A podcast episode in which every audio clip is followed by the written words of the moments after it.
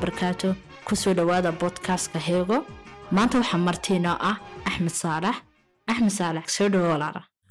Dhawaay walaal waad mahadsan tahay aad waad mahadsantay mawduuca maanta ka hadlayno waa kibirka iyo isla qabweynida ama waxa lahda qororka dhegayste sidaad u aragtaa ama u taqaana kibirka iyo isla qabweynida haddaba saddexda qodob aynu ka hadlayno. Aynu mid kastaba dhinaciisa u sifayno kibirka aynu ku bilowno axmed ma ogta soomaalida wuxuu ku mahmaada kibirku wuxuu kaa saaraa harka meelse kuma geeya mufakiriinta qaarkood waxaa kibirku waxaa la dhahaa afkaar ama fikir doqonnimo uu haysto qofku kaasoo leeda qabaa fikri. Waxay isweydiinaysaa waayo loo dhahay.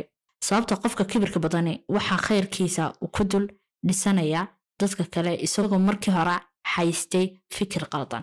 Yacni iminkoo kale haddaan ku idhahda axmed kale waa anoo iminka ku idhahda qoladeyda waxaa dhahdaa ina hebel baan ahay. Okay waxaan aaminsanay inaan reer hebel ahay ayaan wax weyn ku ahay magacaasi aawade marka waxyaabaha keena qabaa fikirka layidhaahdo ka mid yahay taasi oo aaminta qabiilada tahay. Ama aan aaminay imika inaan soomaali ahay oo ka sharaf weyn yahay reeraha kale ama dadka kale maxaa kale. Taasina waa fikrad aad u qaldan. Ma ogtahay inuu kibirku yahay dembiga ugu horreeya ee lagu sheegay qur'aanka taasoo ahayd markuu ibliis diiday inuu u sujuudo nebi aadam. Sababta keentayna waa kibir ayay ahayd. Muxuu yidhi khalaqtanii min naarin wa khalaqtahu min diin waxa uu aaminsanaa inuu dabku ka wacan yahay dhoobada. Waxaase oo dhanna waa fikir doqonnimo waa inaynu ogaana sifada inaynaan lahayn oo ilaahay keli u tahay. Sababta ilaahay wax kastoo aynu takhayilanayno uu ka wan yahay. Marka waa inaynu fahamnaa xadiiska laa yadkhulu ljannata man kaana fii qalbahu mithqaala darrati min kibir xadiiskaasoo ah jannada geli maayo qofkii leh inta ugu yar ee kibir ah ee qalbigiisa ku jirta yani dira waxa weye waa inta ugu yar maanta marka shayga la sii kala jabiyo waxa ugu yar ayaa dhaha qofka inta ugu yar uu qalbigiisa kibri ku jiro jannada ma gelaya ba layidhi marka waa inaynu laba arrin ogaanaa uu haysto qofka kibirka badane awal shay wuxuu haysta marka ugu horeysa inuu xaqa diido oo wixii run ah uu ka soo horjeestaa talabaadna waa qof dadka xaqira oo yaraysta. Ilaah baynu ka nabadgalnay marka hore. Haddaba quruurka ama qabweynida xalow baynu ka hadli doona laakiin waxaan jeclaan lahaa inuu kibirka aynu sii wadno aynu kibirka sii wadno oo ra'yigiisa aynu qaadno axmed saalax ma garanay inaa idiin sifeeyey axmed saalax iga raali noqda. Axmed saalax wuxuu ka takharujay kuliyadda cilmi nafsiga kuliyadaasoo dee ka soomaali ahaan way nagu yeertay qofka baxa waynu la yaabnaa laakiin waxaa ogahay inay tahay kuliyadda loogu baaha badan yahay fatradan ugu dambeysa soo dhawow saalax waad mahadsantahay doctor faadimo runtii saad sheegtay kibirka iyo isla weynidu waxyaabay diintu reebtay bay ka mid yihiin dabcan. Aayado fara badan oo qur'aanaba waxa weeyaan ku soo arooray. Sidoo kale waxa weeyaan axaadiis fara badan oo aad waxa weeyaan uga digaysaba ku soo aroortay. Waxaa ka mid waxa weeyaan sidoo kale aayadaha tilmaamay waxa weeyaan kibirku. Inuu yahay waxa weeyaan wax aan loo baahnayn waxa weeyaan meel daran hadhow qofka ka ridaya. Aayadda ku jirta waxa weeyaan suuratul israa. Walaa tusacir khadaka linnaasi walaa tamshi fi lardi maraxa. In allaha laa yuxibu kulla mukhtaalin faquur. Waa aayadka waxa weeyaan sida cad inoogu tilmaamaya kibirku inuu yahay waxa weeyaan waxaan bulshada dhexdeeda aan laga ogolayn ilaahayna subxaanahu watacaala uuna jeclayn aayad kalaa iduna odhanaysa walaa tamshi fi lardi maraxa innaka lan takhriqa alarda walan tabluqa aljibaala tuula aayad saddexaad baa idinu sheegaysa ilaahukum ilaahun waaxid فالذين لا يؤمنون بالآخرة قلوبهم منكرة وهم مستكبرون لا جرم أن الله يعلم ما يسرون وما يعلمون إنه لا يحب المستكبرين صدح ذا آيات طبعا waxay noo sheegayaan kibirka inuu ahay wuxuu ilaahay jecel yahay. Bal ay caaqibadiisu waxa weeyaan ay aad u daran tahay oo qofka ay naar iyo waxa weeyaan ilaahay cadhadiisa ay u hirseedi karto. Xadiiskii nabiguna sal allahu alay wasallam waxaa sad ka dhawaajisay faadmo laa yadkhulu janna man kaana fii qalbihi mithqaala daratin min kibir. Oo haddii qofku waxa weeyaan ay in yar oo waxa weeyaan aad u yar oo kibir ay ku jirto jannada ka xaaraana. Ilaahay isagoo inoo cadayanaya waxa weeye subxaana wa tacaala inuu isagu kibirka iyo isla weynida uu isaga gaar u yahay wuxuuna leeyahay alkibriyaau ridaa'i waalcadamatu izaari faman zaaqa cannii waaxidun minhuma qadaftuhu fi nnaar ilaahi subxaana watacaala wuxuuna leeyahy kibirku iyo weynaantu waxa weeyaan aniga waxa weeyaan waa go'ayga. Sarraynta iyo waxa weeyaan weynaantu sidoo kale waxa weeyaan waa guntigaygu allah subxaana watacaala ina leeyahay. Qofka igula dooda amba igula gorgortama oo igu qabsada waxa weeyaan labada alkibriya walcadama labada igu qabsada naarta ayaan ku tuura buu ilahi leeyahy subxaana watacaala halkaa waxaa nooga cad markaa guud ahaan diinteennu in ay aad u diiday ha inay aad u diiday kibirka. Oo waxa weeyaan aad iyo aad wax laynooga laynooga reebay. Waxa iyaduna soo hadhay bal kolley soomaalidu dhaqan bay leedahay dabcan. Dhaqankaa sideebay tolow ay kibirka ay u sifaysay? Ayaynu iyadana bal tilmaami doonaa haddii ay baydno. Mahmaacyo soomaaliyeed ayaa jira oo kibirka aad waxa weeyaan u tilmaamay oo runtiina cambaareen iyo iyo diidid ay ka caddahay. Waxaa ka mida mahmaayaha soo arooray ee dhaqanka soomaalida ku jira. Kibirku wuxuu kaa saaraa harka. Meel si kuma geeyo. Macnaha qofku haddii uu kibiro oo waxa weeyaan uu dadka iska weynaysiiyo meelna ma gaadho. Meeshii uu ku jiray harkii uu harsanayena wuu ka baxaya. Mahmaa kalaa jirta ahaa tallaabada hadda kada tallaabada nabigana way gaadhay. Ma gaadhid absolutely waa sidaa macnaha tallaabadaadii haddaad ka tagto tii nabigana aad gaadhi weydo waa mushkilad kale. Mar kale ku maamaahay faadumay soomaalidu oo ay yidhaahdeen nin isfaanay wari isnuugtay isnuugtay macnaha faankuna wuxuu ka mid yahay sida caadiga ah waxyaabaha astaanta u ah kibirka. oo qofku markuu kibirsan yahay wuu isfaanaa mogta dadka isugu faanaayo isku tooqaa marka taa macna waxay ka dhigan tahay ri isnuugtay iyadiiba caanaheedii waxa weeyaan iska nuugtay iyadii ma nafaqadeedi iyadu baa dib u qaatay ilmihii jiqi lahaa iyo dadkii faa'idi lahaa waxa weeyaan may ka faa'iidaysan marka dhaqankuna sidaasuu ka tilmaamay. Iyadoo haddana ay jirto kibirka in soomaalidu ay astaan ku tahayoo aynu arkayno dad fara badanoo waxa weeyaan soomaaliya oo haddana mahmaayahan oo dhan garanaya ay ka muuqata haddana kibirku ka muuqdo. Inuu ku jiro. Ku jiro kibirku oo siday isula wen yihiin sida isugu tooqayaan iyo faanka faraha badan wax weeyaan qofku ku dhaqmayo waxyaabahaas oo dhan. Macnaha dhaqanku sida caadiga waa qofku wixii uu dee markaa ku dhaqmayo. Uu bulshada waxa weeyaan kula nool yahay dabcan. Si toosa waxa uu cad baryahan dambe dee soomaalida wax aad uga soo siyaaday oo ka dhex muuqda mujtamaca soomaaliga waxa la dhaho qabyaaladda iyo qabiil kufaanka iyo isyasidda iyo takoorka waxan oo dhan waxay salka ku hayaan waxa weeyaan waxa la dhahaa kibirka iyo isla weynida. Macnaha qofkiiba wuxuu arkaya isagu inuu yahay laandheere dadka kalena laangaab u arkaya. Laandheernimadu qofku sheeganaya markaa waa kibir. Wuxuu aaminsan yahay inuu isagu yahay qof oo dadka kale wax ka sarreeya oo waxyaabo isagu humaagu iska dhaadhiciyay buu aaminsan yahay oo ah inuu isagu dadka o dhan waxa weeyaan ka fadilsan yahay amba uu ka qiimo badan yahay marka waxaad arkaysaa dad fara badan oo waxa weeyaan ku dhaqmaya kibirkii oo dad faquuqaya oo dad waxa weeyaan iska takooraya oo dad waxa weeyaan iska saraysiinaya. Amsatina waxaa la dhahdaa qabaa fikri yani waa afkaar nacasnima oo qofka haysto. Waa afkaar dabcan aad iyo aad aad iyo aad afkaar nacasnima weeyo. Dee kolleyba waxa weeyaan qofku haddii una dee doqon ahayn oo uuna waxa weeyaan fikir waxa weeyaan doqonnimo una ku jirin waxaan kuma dhaqmeen. Leannu qofku sidii caadiga caqligiisa salimkii wuxuu siinaya inuu waxyaabahan oo kale uu ka dheeraado marka haddii uu qofku waxa weeyaan qaabkan oo kale u dhaqmayo waxay ka dhigan tahay qofku in waxa weeyaan caqliyadiisu ay tahay caqliyad aad u dambayso. Dibdhacnimo dambe ay ku jirto.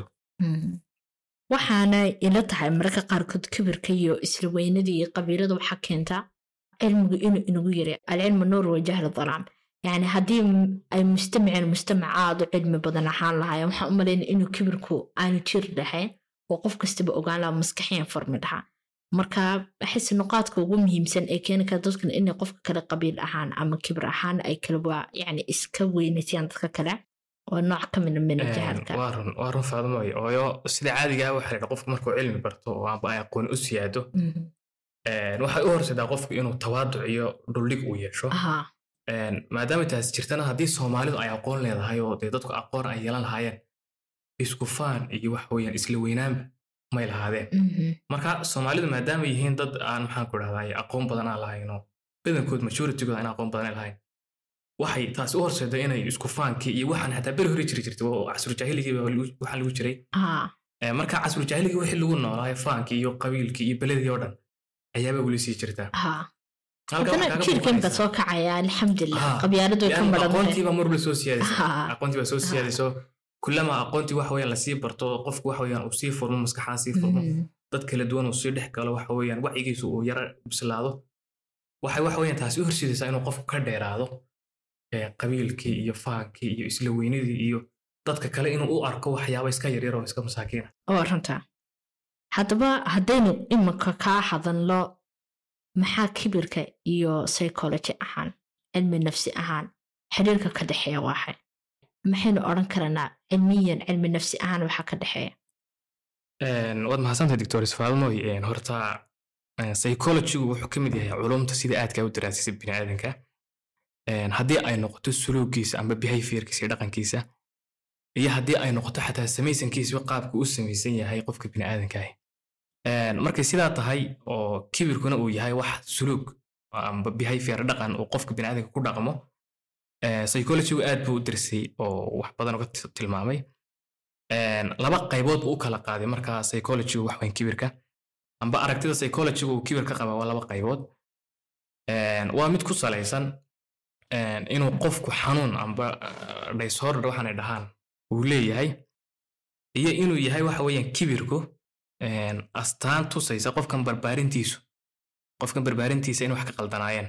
Een, waxaa jira nin la dhaho sigma freud oo aasaas u ahaa amba u dhul dhigay oo isagu soo waxa weeyaan hormuud ka ahaa madrasad la dhaho psychoanalytic eh, theory. Amba madrasad taxliil nafsi. Een, sida caadigaana qofka biniaadanka amba shakhsiyadda saddex qaybood buu kala qaaday sigma okay Eh, waa qayb la dhaho id iyo qayb la dhaho ego iyo super ego. Qaybtan u socona marka waa super ego eh waxa weeyaan qofku marka uu yar yahay waxaa jira waxyaaba waalidku ay u sheegaan koriyaan. ku koriyaan Mhm. oo ah waxaa ku dayo ciddaa ku dayo cidda raac waxaa same waxaa ha sameynin hiblaayo oo kale noqo hibil sidaasoo noqda adiguna sidaa noqo ayidaa noocaasi ahaan jirta adiguna sidaasoo kale noqo Ha. aabbaha sidaasoo ahaa waxyaaba noocaasaa jira markaa oo qofka lagu soo barbaarinayo yani markaa qofkii haddii lagu soo barbaariyay inuu waxa weeyaan hebel iyo hiblaayo ku daydo una sidaa iyo sidaa noqon oo waxa weeyaan shakhsiga misaaliya waxaa la dhaho loo sameeyo amba qof moo dhala isagu oo waxa weeyaan een, dadka kale oo dhan waxa weeyaan ka duwan. Qudwo u lahaa. Aha qudwo u lahada marka Mhm. barbaarintaas waxay keenaysaa qofku inuu dadkii kale u arko wax iyagu ka hooseeya. Marka subar eegadaas haddii lagu talax tago qofkii qaab waaqiciya waxa weeyaan loo barbaarin waayo oo loo sameeyo humaag aad u sarreeyo oo waxa weeyaan qofkii la weynaysiiyo amba tusaale weyn loo sameeyo qofkii wax ku dhacaysa marka inuu dadkii kale uu arki u Mhm. Eh, iyaduna samaysmi karta faadumoy xanuun la dhaha baa samaysmi karaa la dhaho schizophrenia oo runtii ah xanuunada ugu khatarsan waxa weeyaan qofka biniaadamka ku dhaca. Ha schizophrenia waxaa ka mid ah qayb la dhaha paranoia. Mhm. Eh, in qofku aad iskula qab weynaado mar walba oo humaag aad u u weyn mar walba ku noolaado.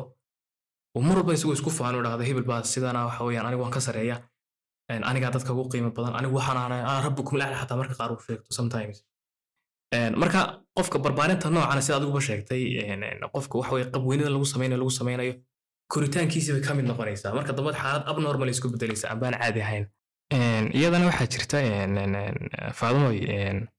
wa- qofkan markaa markuu khalkhalkan ku abuurmo oo qabweynidan waxa weeyaan aadka u sareysa uu dhaqan ka dhigto waxa shakhsiyadiisa ka mid noqoto dadku markaa uma arki karayaan waxaan inuu xanuun yahay oo dadku ma wada fahansana maogtay xanuunada waxa weeyaan een, mentalka ma fahansana taasi waxay keenaysaa markaa qofkii in loo arko un qofti hadduu doono marka qaar qof weyn baaba qof qof laga soo qaado saas la moodo. Ha laakiin qofku hadduu fahansan yahay xanuunadan oo kale iyo waxaan inay jiraan iyo usuushooda waxyaabaha waxa soo baxaysa qofkan in isaga laftiisa loo garaabo la dhahdo nin qofkan wuu xanuunsan yahay ha laga naxo. Dee bal ha laga naxo ha loo Loo tuuro. sahlo, Ah, sahlo. Mhm.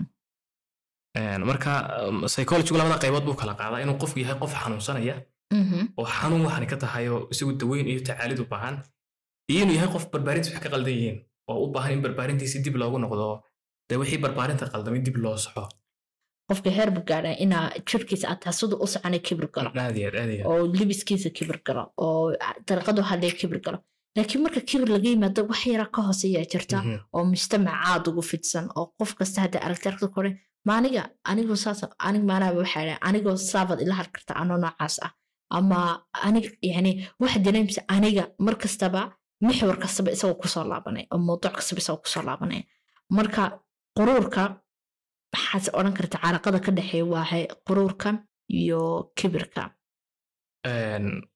Faadumay horta labada kelmadood kibir iyo iyo quruur labadaba waa carabi laba kelmadood carabi weeye. Mhm.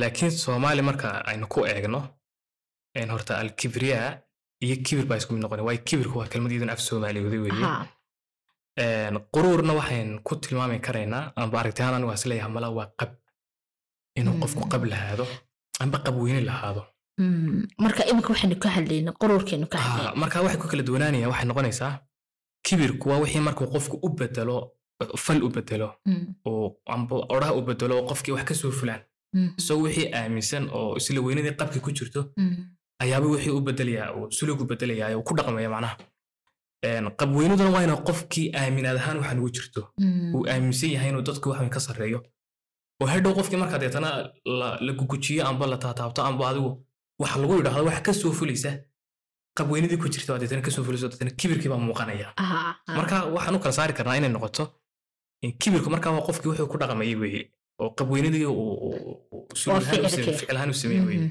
Een, qabweynida amba quruurkan waynu qofkii wixii uu ku jiro uu aaminsan yahay. Waxa darasana laba macnaynu isku khaldana kibirka waxa lagu ji waa kibir. Quruurka qabweyne buu noqonaya marka waxuu noqonaya iminka waxa ka hadlaysay qabweynada ka hadlaysay. Aynu quruurkaba iska saarno Ah, ah, bay noqonaysaa marka. Inta badan mawduuceenu qabweynadaas ku wareegaya ha xataa waad aragtay qur'aanka dhowr jeer baa qabweynida lagu sheegay qur'aanka. Aayada inay tahay laa yaqarannaka taqalub aladiina kafaruu fi lbilaad marka waa waxa aad iyo aad iyo aad laga xumaado ina maanta markaa dee mushkilad yar markay dhacdo uu ku odhanaya qofka maxaanu raarigelinaya ma lacag bay siistay. Dee taasina waa qabweyno qofka raarigelinaya ama qofa qof reer baa reer hebel laga dili kornaya dee reerka ordhan u soo tacsiyade maye naa- lacagta ta ku baxaysa soo sheego Ah. aan u dhigno munkasir qofkani qabweyne ku jirta ama quruur ku jirto wax aad iyo kasta naadiradiisa wuu la yaraanaysaa aslan haa macnaha qofkiiba waxa meesha ka baxayaba aaminaadii noqon lahayd inuu qofka biniaadan uu- inuu jiro uu dareemo biniaadanimo uu dareemo insaanku qiimo u leeyahay mogtahay marka haddii qofku isagu isdhigo heerkii aadka ugu sareeyey ee dadka o dhan ka sareeyey oo dadkiina dee u arko waxa weeye wax iska marka aaminaad ba waxaa noqotay oo qofku wuxuu aaminaya inuu isagu dadkii ugu sareeyo Mhm. qofka ani waxaa jeclaan lahaa reer kasta marka ugu horeysa ama usrad kasta imika soo kacaysa ama jiil kasta imika soo kacaya ina maskaxiyan wax laga dhiso. Laano maskaxiyan waa waxa hadhow bulshada Mhm. ama dowladda beri wax bedelaysa weeyaan. Iminka marka qaarkood eegtid qabweynida ama kibirka labadaba isu imanayaan. Waxaa jirtaa saameyn bay u samaysaa xidhiidhada alla leeyahay. Ama reerkooda ha noqdo ama mujtamaca ku dhex noolya ha noqdo bulshada ku dhex noolya saameynta uu gaarsin karo xidhiidhooyinka uu mujtamaca bulshada ku dhex jiro. Bal xabad ma nooga yara taaban karaysaa? Faadumay horta dadka biniaadankii waxa weeyaan waxay jecel yihiin qof waliba wuxuu jecel horta in qaabka isaga uu jecel yahay in loola dhaqmo amba qaabka isagu jecel inuu dadka ula dhaqmo in dadkuna ula dhaqmaan Mhm, buu qof waliba jecel yahay. Mhm, sidaynu ognahay qof waliba biniaadani wuxuu jecel yahay in la daneeyo wuxuu jecel yahay in la dareemo wuxuu jecel yahay in la keergareeyo ihtimaam loo sameeyo oo xaqiisa iyo waxa weeye boosku isagu taagan yahay la dhigo. Ah, wixii wanaaguu leeyahay loo qoro wixii waxa weeyaan uu dadka kale kaga fidelayna waxa weeyaan loo tilmaamo sidaynu ognahayna aynu soo sheegnay ee, qofka qabweynada iyo kibirku uu ku jiro. Sidiisa horta ma aaminsanay inuu qof bini'aadan oo qiimo le u jiro. Oo dadkiiba dee waaba ka yasayaba. Een, laakiin ma kula tahay qofkaasoo kalsooni darro isku haya bay tahay? Xagga dambe ka tilmaami doonaa kalsooni darradu inay qayb ka tahay Ha. inuu qofku kibir sameeyo. Laakiin sida caadiga ah adigu xidhiirka waxyaabaha aadka u burburiya bay kow ka tahay waxa weeye kibirka iyo qabweynidu laannu qofkii wuxuu isku dayayaa mar walba inuu qofkan kale uu isbaaro u dhigto amba uu qofkan waxa uu ka saaraba booskiisa ka saaro. Deetana qofna ma ogolaanaya dee in maxaan ku dhahdaa la yeeso oo layskala weynaado oo isaga hoos loo dhigo. Qofna ma ogolaanayo. Daadmina dadka way isku dhacayaan. Imika haddaynu eegno xataa tusaale ahaan oo kale lamaanayaashoo kale waxyaabaha lamaanayaasha dee guurkooda kale burburiya amba xidhidooda burburiya waxaa ka mid ah inuu labadii qof mid isla weynaado kii kalena uu yeso taasi marka waxay keenaysaa inuu qofkii la yasay dee isaguna uu yidhaahdo anigu ma dee qofku arkaya qof bini'aadan oo lamida oo la qiimaa inuu yasayo u arkaya. Isaguna markaa filcilintii mid lamida buu samaynaya mhm, oo marka dee laba qof oo isyasaya oo iskarahaysanaya dee ma wada noolaan karayaan. Waa runtaa marka burburada iminka qoysas kaloo ka dhaco dhan badankooda inta qoysya burburta haddii dib loo eego waxaa soo baxaysa in kibir iyo isla weynaan ku dhex jirto mid ka mid a labada qof. Een, marka dabcan marka la soo ururiyo aad buu u burburiyaa wax weyn kibirku xidhiidhada oo reero badanoo waxa een dhismi lahaa waxa meesha ka saaro oo burburiya oo baabiya waa kibirkii isla weynaanta xataa marka laga soo sokoobo reerahaba xataa haddaad aragtid xiriirka bulshada Mhm. uu la leeyahay caadiga waxaa arkaysaa laba qof oo saaxiiba uu qofka kala qaadsiiyey ama u waar, tallaabo inuu isna bilaabo inuu saameyn weyn ku gaarsiiyo Mhm, asxaabtiisa ama mhm. dadka ku wareegsan dhinacyada ka xiga waxaa arkaysaa kale inuu iskuulka markuu joogo oo kale inuu isagu isu haysto inuu ilmahani Is- yahay ilmo yacni ama ilmaha ugu beerfagtan malaabis ha noqdo Waa ama waa waxbarasho ha waa noqoto waxaasoo dhan ha noqoto. Marka haada waa arkaysaa markasta mujtamac aad ba u arkaysaa meel kastood ku arkaysaa markii dhawadaan ku lahaa qabweynida ama kibirku kalsoonida xidhiidhi bay la- leedahay.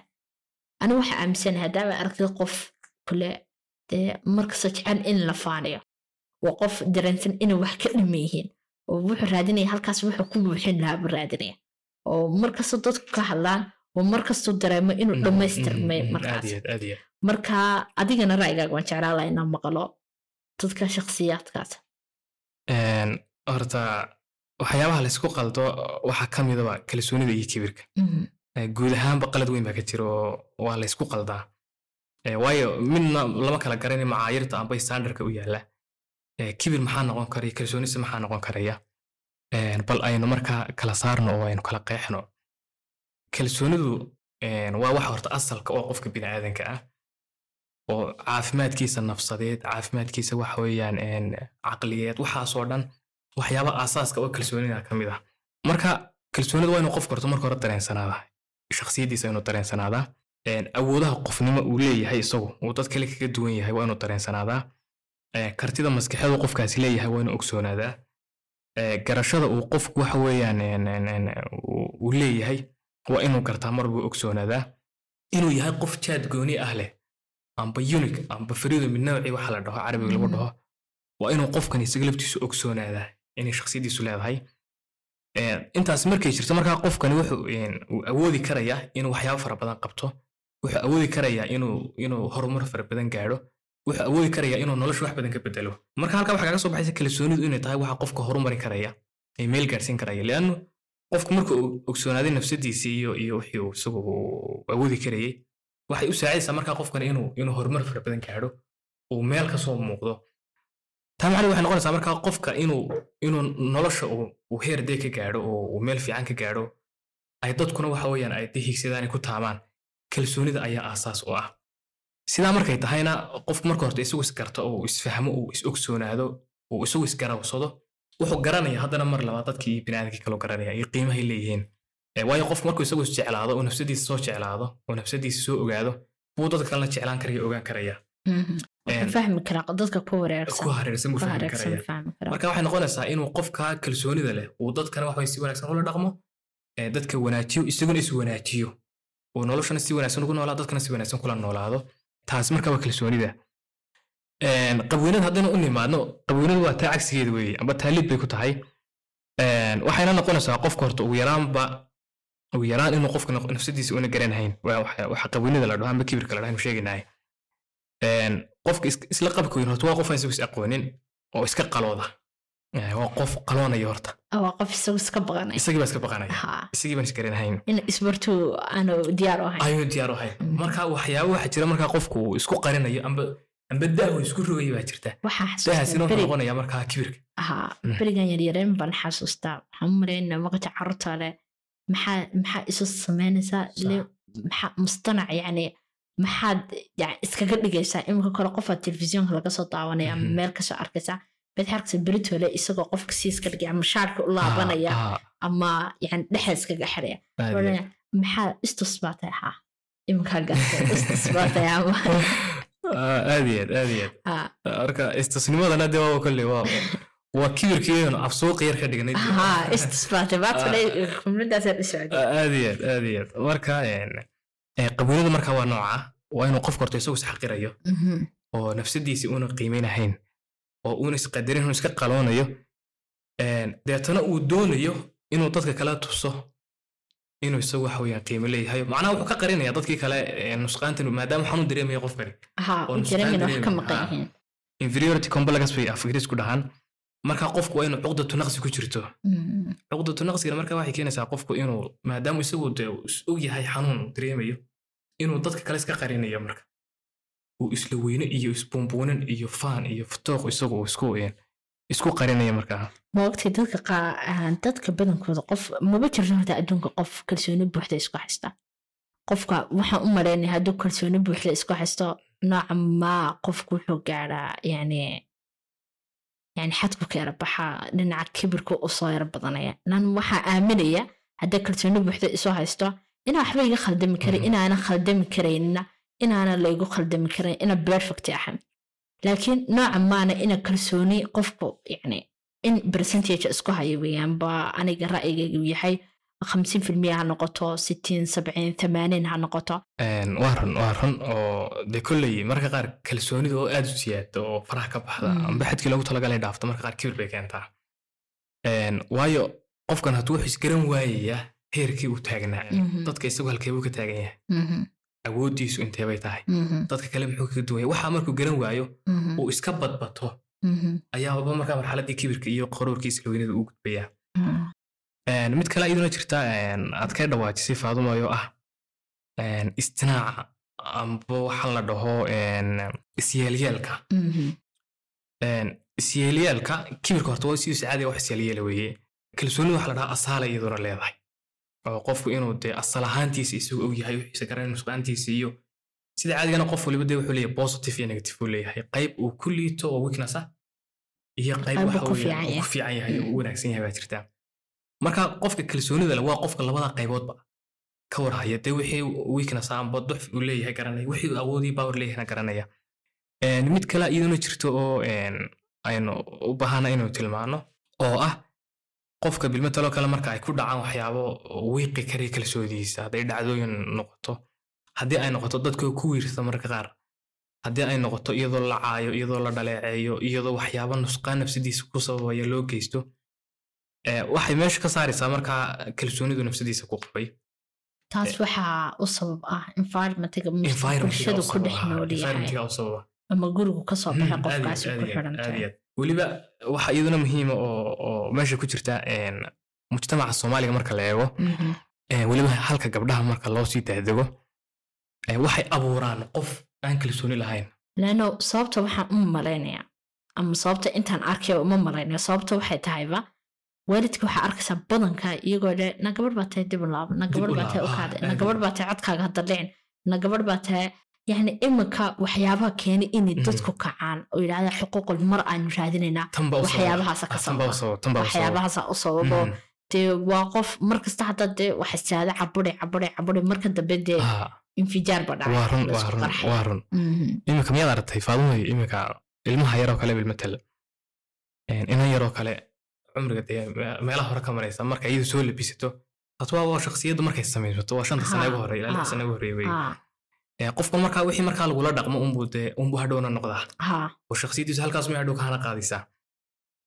Haddaad u fiirsato iminka bilmataloo kale ilmo yar amba inan yar baa soo baxaysaa.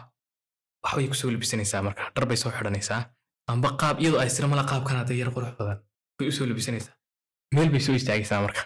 Amba islaam amba dee dumar iyo waxbay adigu cid bay imanaysaayo naama waxaanaad soo xidhto baa lagu odhanay bal ku dhacday bal waxaa foosha xune bal waxay xidhan tahay naama mar wanda ka fadhiiso taas marka waxay keenaysaa qofku inuu hadhow isaga tusaale qaato mar walba waxaana dadku leeyihiin.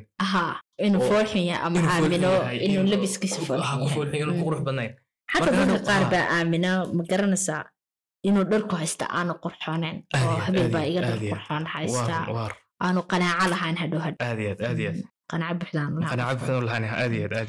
marka haddaan ku dhahda iminka xalka laga gaari karo dhibaatadan waa xay kibirka ama isla weynida qabweynida xalba maanta aynu xal ka gaarno ama qofkan maanta qofka intaale aan ku odhan karno khalaas haddaad intaa hagaajisid waxaa dhici kartaa ixtimaaliyadda Mhm.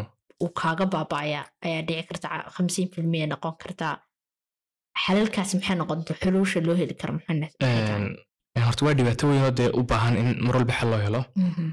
dhibaatan si xal loogu helana marka waa qofkii mushkiladdu haystay lala hadlo oo wax loo sheego maadaama shakhsiyaddiisi waxaan ay ku jirto waa in isaga xalka markaa loo bandhigaa. Waxaan kula talin lahayn qofka mushkiladaasi haysato. Horta qof waliba kule qabweynada wuu dareemaya qofka caqligiisu taamka yahay qabweyne Mhm. inay ku jirto oo kibir leeyahay wuu dareemaya okay liannu feedbackan bulshada uga soo noqonaya marba ka tusaale qaadanaya. Mhm. Een, haddii maanta qofku meel soo maro uu aad isku faanfaano aad iskula weynaado dee dadku waxa hor nin kibir badan baa tahay xataa cilaaqaadkiisii oo dhan baa hadhow meesha ka baxayo cid danaynaysaa ma jirto qofkasi wuxuu dareemay inuu qofka la tacaamuli karo la tacaamuli karo xataa isaga laftarkiisa wuxuu dareemay dadku inaana leekin qof leeg buu uu raadinaya raadinaya marka waa qof mushkiladii dareemaya mar walba maadaama qofkaasi mushkiladii dareemaya waxaan kula talinahay kow inuu horta qofku ogaado wax dhammaystirnaan la dhahaa inayna jirin amba perfectism qofku inuuna marna darajatul kamaal una gaari karaayo ilaahun baa la dirashta ilaahunba darajatul kamaal leh maadaama qofku mar walba uunan eh, isdhamaystiri karahayn oo waxa weeyaan uuna nafsadiisa uuna buuxin karahayn boqolkiiba boqol waa inuu kolba waxa martabadiisu halkay tahay inuu ku eekaado wixii awoodi karay uu qabto wixii uuna awoodi karahayna dee uu iska daayo. Marka horta qofku marka ugu horeysa waa inuu ogaadaa wax dhammaystirnaan la dhaha in ayna jirin. Waxa iyaduna xal noqon kara qofku horta inuu isaguna ogaado inuu leeyahay ceebo iyo nusqaan dee oo qof waliba biniaadam dee nusqaan ceeba uu leeyahay. Marka nusqaantana marka qaar dee waa la soo kaabi karaayo meelaha dee waxa weeyaan qofka uu hooseeyo dee wuu soo sixi karaya marka qofka hadduu ogaado nusqaantiisa macnaa waxa inuu ka howlgalo inuu qofku nusqaantiisa soo buuxiyo. Inuu isbedelo taqyiir isku sameeyo. wixii uu ku wanaagsan yahay positivena uu sii wanaajiyo hore uu sii Uu sii wado horumaro. hore uu sii wado. Mhm. Een, xal waxaanu iyadana odhan karnaa inuu qof waliba horta jeclaado qaabkuu rabo isaga in loola dhaqmo waxa ka wadaa inuu qof waliba horta uu ogaado inay dadku jecel yihiin siduu isagu rabo in, loola dhaqmo. Macnaha qof waliba qaab buu doonaya in loola dhaqmo. Maanta faadumo waxay doonaysaa in la qadariyo waxay doonaysaa in la qiimeeyo waxay doonaysaa in, ahmiyad badan la siiyo in la keer gareeyo. Maadaama faadumo intaa garanayso idan waa in- inta leeyahay samayso wayna tabaadil jiri Ah, karaan. tabaadul ay samayso leannu insaanku waa wada nool yahay wuu- isku nool yahay. Ha maadaama la isku nool yahay qof waliba waa inuu gartaa qofkan kale muxuu doonaya adigu se maxaad doonaysaa adigu waxaad doonaysa waa qofka kale doonaya. Qofkan kale wuxuu doonaya adiguna doonaysaa taad minas waxay noqonaysaa in la istakaamulo hadhow. Wayna xaqiisa qofka Ah, kastaba la qof waliba siin xaqiisa garto. Qof Mhm. kalena xaqiisa iyo waajibkiisa uu garto.